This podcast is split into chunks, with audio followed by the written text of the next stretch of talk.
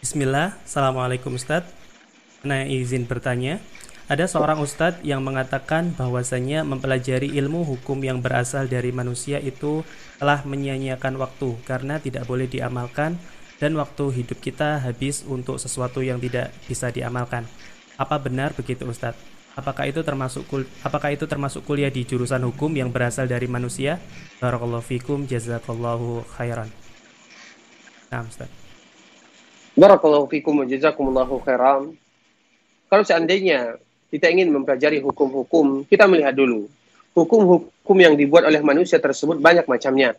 Ada yang betul-betul hukum yang menyelisih hukum Allah Subhanahu wa taala dan ada hukum-hukum yang itu adalah perincian daripada hukum-hukum Allah Subhanahu wa taala atau yang kita kenal dengan masalah al-ahkam al-fiqhiyah yaitu hukum-hukum yang ada di dalam buku-buku fikih yang mana diambil istimbat oleh para ulama hukum dari buku-buku fikih tersebut.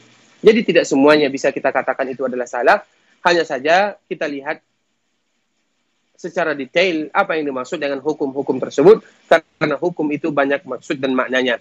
Sedangkan mereka yang masuk di jurusan hukum sebelumnya kami tidak tahu karena kami tidak mengetahui apa pelajaran dan mata pelajaran yang diajarkan di sana barakallahu.